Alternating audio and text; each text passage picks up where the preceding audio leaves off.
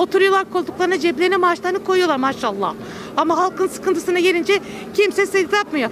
Ne kadar sıkacağız mesela kemerleri sık diyorlar. Mesela e, Cumhurbaşkanı eşi diyor ki porsiyonu küçültün kusura bakmasın da o kendi sarayındaki porsiyonları küçültüyor mu? O kadar insanlara mesela ağırladıkları zaman Oraya da bir de halkı getir bağırsalar, herkesi getirse, mesela halka açık bir yer yapsalar, hakkı biraz daha mutfak, o mutfaktan biraz daha halk beslensin. Yani kusura bakmasınlar da o artık geçti, o günler geçti. Şimdi seçimler yaklaşıyor. Bazı şeyleri belki affederler, bazı cezalar indirirler. Ama bu halkın cebine dokunursanız, mutfağına girerseniz bu halktan oyalamazlar. Bak bunu söyleyeyim açık açık. Zengini değil, iş adamları hiçbir zaman fakirleşmezler. Yine sırtına bizim vergilerimizde hep köprü yapılıyor, o yapılıyor, bu yapılıyor. Biz yaptık diyorum yani hangi parayla ceplerinde babaların paralarıyla yapmıyorlar bu işleri. Yine bizim paramızla yapıyorlar. Ben AKP'ye zamanında oy verdim, inkar etmiyor. Önce halkı düşünsünler. Bu halk onları indir, çıkarttığı gibi de indirir. K- Ekonomik kriz var mı? Olmaz olur mu? Siz bulutların üstte yokken bu başladı. Yaşıyoruz biz bunları, alıştık. E ne oluyor? Gelen bir kere vuruyor, giden bir kere vuruyor, alıştık biz. Onun için bize e, ağır ama ne yapalım? Götürüyoruz. Peki sorumlusu kim bunun? Sorumlusu mu? Ee, siyasi, güçler mi? siyasiler, siyasiler. 600 tane milletvekili seçiyoruz. Ceylan dersi koltukların üstünde oturuyorlar. Aylıkları da güzel, yedikleri içtikleri de güzel. Hepsi helal olsun. E kardeşim biraz da aşağıya bakın. Yukarı bak, üç tane, bir bahçenin içerisinde üç tane bağ var. Bir yukarı bağ var, oradan su da çıkıyor. Suyun başına oturmuşlar, güzel güzel yiyorlar, içiyorlar, eğleniyorlar, dans ediyorlar, şu bu. Orta bağda arasına su veriyorlar. E bir de aşağıda bağ var, söğütlerin olduğu yer. Bir de elma ağacı dikili orada. Yok, oraya su sızmıyor. O zaman şuradan buradan çuvaldız kalınlığında bir su sızarsa onunla idare etmeye çalışıyoruz ki bağımız kurumasın. Peki idare edilebilecek gibi mi? Yani açık söyleyeyim, yalnız yaşayan bir insanım. Ee, 506 lira falan mutfak masrafım vardı daha öncesine kadar. Şimdi 875 lirayı aştı. E ne oldu? Bir onu ondan çıkar bak bakayım. 370 lira üstüne koymuş. O da ne yapıyorum? Günde ben genelde haftanın 5 günü bir öğün yiyorum. Haftanın son 2 günü 2 öğün yemek yiyorum. Bir de kendi yemeğimi kendim yapıyorum. Sadece mutfağa konuşuyoruz. Bunun üstü başı yok mu? Başka masraflar yok mu? Var. E nasıl oluyor? Yarı aç haldeyken bile böyle bir masrafınız var. E, var tabii. O da nasıl biliyor musunuz? İçki, sigara, gece hayatı, kumar, pavyon bilmeyen bir insanım. Herkes iki harcarsa, üç harcarsa ben yarım harcıyorum. Yarım.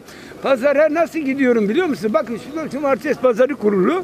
Güneş batacağı zaman güneşe bakıyorum. Güneş yaz olsun kış olsun tam güneş e, batıdan batacağı anda pazara gidiyorum.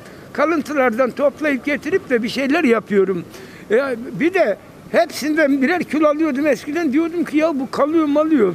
Yok şimdi yarımşar kilo alıyorum onunla idare etmeye çalışıyorum. Ya sebze alıyorsun meyvenin de en çürüğünü. E ben bilmiyor muyum başlıktan portakalın ne olduğunu? Yapan ne olduğunu bilmiyor muyum? Sıkmalık falan alıyorum ki o da portakal onu da yiyeyim. Yani en önce ben insan en önce yalanı kendisine söylermiş. Kendi kendimi kandırıyorum başta. E ne yapayım? E, diyorlar ki haline şükret bundan daha kötüleri de var. Aşağıdakiler de var ve yukarıdakiler var. Kafamızı yukarıya dikmedik ama yerimizde duramıyoruz. Bizi aşağı çekiyorlar durmadan. E ne yapalım biz bunları?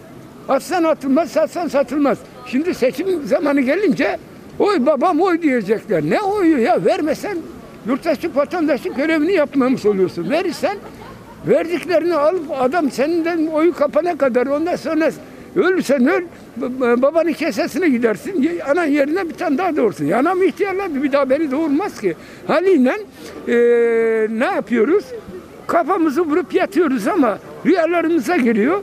Bu 65 yaşını bitiriyorum. Bundan sonra nasıl olacak, ne yapacağım diye iğnenin deliğinden ipi e, geçirir gibi ince ince düşünüyorum. Ankara'da bir arkadaşım var. Böyle Ankara'nın ortasında çift üniversite bitirmiş. Bana diyor ki ya arkadaş sen diyor e, bu kadar ne inceliyorsun? Kırıldığı yerden kopsun. Ya ip mi var ki kırıldığı yerden kopsun diyorum. Ya diyor kemerinde diyor, sıka sıka delik kalmadı. Kemer koptu. Kemer mi kaldı? Kemer artık boğazıma takıyorum diyorum. Ya takmıyorum. Ee, elimle tutuşturuyorum diyeceğim. Yani sürünüyoruz Türkçesi. Ya Almanya'da yaşıyorum ama asgari ücretle tabii insanların geçim geçim kaynağı biraz zor Türkiye'de. Hani kolay değil. Fiyatlar bayağı yüksek. kime sorsam bazıları diyor şükür, bazıları diyor zor. Hani ben şimdi kendim burada yaşamadığım için bir şey fazla diyemeyeceğim. Hani ama gördüğüm ve duyduğuma göre hayat zor. Dün geldik. Bir haftalığına tatil sadece gezme amaçlı. Bize göre tabii euro ile gelen bir insan bizim için fiyatlar normal ve normalin altında uygun. Ama tabii burada bir insanı düşünürsem, asgari ücret kazanan bir insanı düşünürsem bazen tabii öyle insan düşünüyor. Diyor bu insan nasıl bunu alacak? Misal bir yere gidiyorsun kahveye ya da bir, bir yemeğe gidiyorsun kaç yüz lira hesap geliyor diyorum. Hani bize göre normal. Burada yaşayan insana göre tabii zor. Kolay değil. Ya ben böyle bir döneme de gelmedim. Aslında maddi olarak böyle bir döneme gelmedim. Yoksa her şey var, bolluk var ama alım gücü yok şu anda hani. İB desteği aldık. Kaşıkla verdiler, kazanla alıyorlar. Devlet. Küçük esnafları vuruyor, büyüklere sesi çıkaramıyor. Hadi çıkarsın. Hodri meydan çıkarsın. Niye?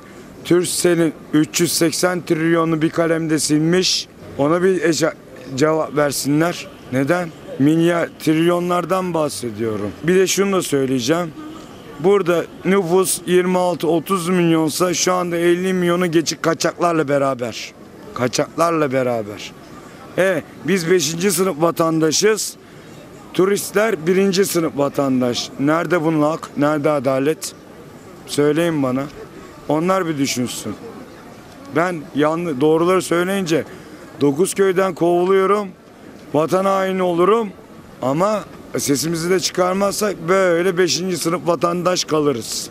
Ekonomi mi kaldı ya? Bitti yani bitti. Her şey bitti. Nereye gitsem bir yerlere girsem gitsem. Dün bir tanesiyle konuştum adam isyan ediyor. Yazık günah. Sorumlusu kim sizce? Devlet kim olacak? Hükümet baştakiler. Dış güçlerin oyunu deniyor. Ya ne dış gücü be kardeşim ya. Yediler götürdüler daha artık. Daha bırak şimdi bizi konuştur. Yani cebinde 500 liran varsa 500 liran varsa Anca anca yetiyor o da file yarıda kalıyor. Dolmuyor bile. İstediklerini de alamıyorsun. Hükümet değişirse belki durum değişir. Hükümet değişmezse mümkün değil bu ekonomi o hayatta değişmez. Daha kötüye gider. Yani işin gerçeği zaten gözler önünde. Yani bugün bir insan evine ekmek götüremiyorsa ya da bir ekmek 4 TL ise ki bununla ilgili zaten belli başlı kıyaslamalar yapılıyor ama insanlar görmek istemiyor. Mesela bundan önce asgari ücret ne kadardı? 2 milyar 825 TL. Doğru mudur? Şu an ne kadar? 4 milyar 250 milyon. E o dönemde 2 milyar 825 TL iken 1600 ekmek alınıyordu. Şu an 1400 ekmek alınıyor. E bunları kıyasladığı sıra bir de otomatikman bazı şeyler gözler önüne geliyor yani. Artık para gerçekten o kadar lüzumsuz olmuş ki yani artık milyar milyar harcamaya başlıyorsun. Yani maaşın geldiği gibi gidiyor. Bir anlam bir şey ifade etmiyor. Yani nasıl geliyorsa öyle gidiyor. E, bugün sen gençsin evlenmek istiyorsun. Bir evin fiyatı en ucuz evin fiyatı 450-500 milyar. Bir düğün yapmak istersin örneğin söylüyorum 350-400 milyar. E, bu şekil konuşursak daha iyi anlaşılırız. Çünkü sürekli farklı şeyler konuşuluyor. İnsan anan, insanlar anlayamıyor. Yani anlayamadıkları şey bu. Yani geçim sıkıntısı gerçekten var. Gerçekten var. O nedenle hani evlilikten örnek veriyorum. Ee, yaşadığımız ev kiralarından örnek veriyorum. Bugün bir lokantaya gidiyorsun en ucuz yemek 50 TL. Hiçbir şey kalmıyor. Bu otomatikmen bir gelecek kaygısı yaratıyor. Ya bunun sorumlusu var olan süreç yani. Var olan hükümet, var olan yönetim şekli. Dış güçleri atıyor topu ama. E hatırlarsanız geçmişte bir konuşması var. Diyor ki biliyorsunuz o zaman da hükümete gelmemiş ve dönüp söyledikleri kelime şu yani. Bu zamanki yönetimler eğer zor durumda kalırsa suçladıkları tek bir durum var. Dış devletler. Oranın burayla ne işi olabilir ki? Yani bugün çiftçinin önü açılsa, ekime izin verilse ki çiftçiye her şey ücretsiz kılınsa tüm ekonomik sorunlar çözülür. Çünkü niye halk tok kalır? Bizim bugün aç kalma sebebimiz ne? Her şeyi dışarıdan getirmemiz, ithal etmemiz yani. Yani yeni bir ideolojinin gelmesi lazım yani. Yeni bir fikrin, yeni bir düşüncenin.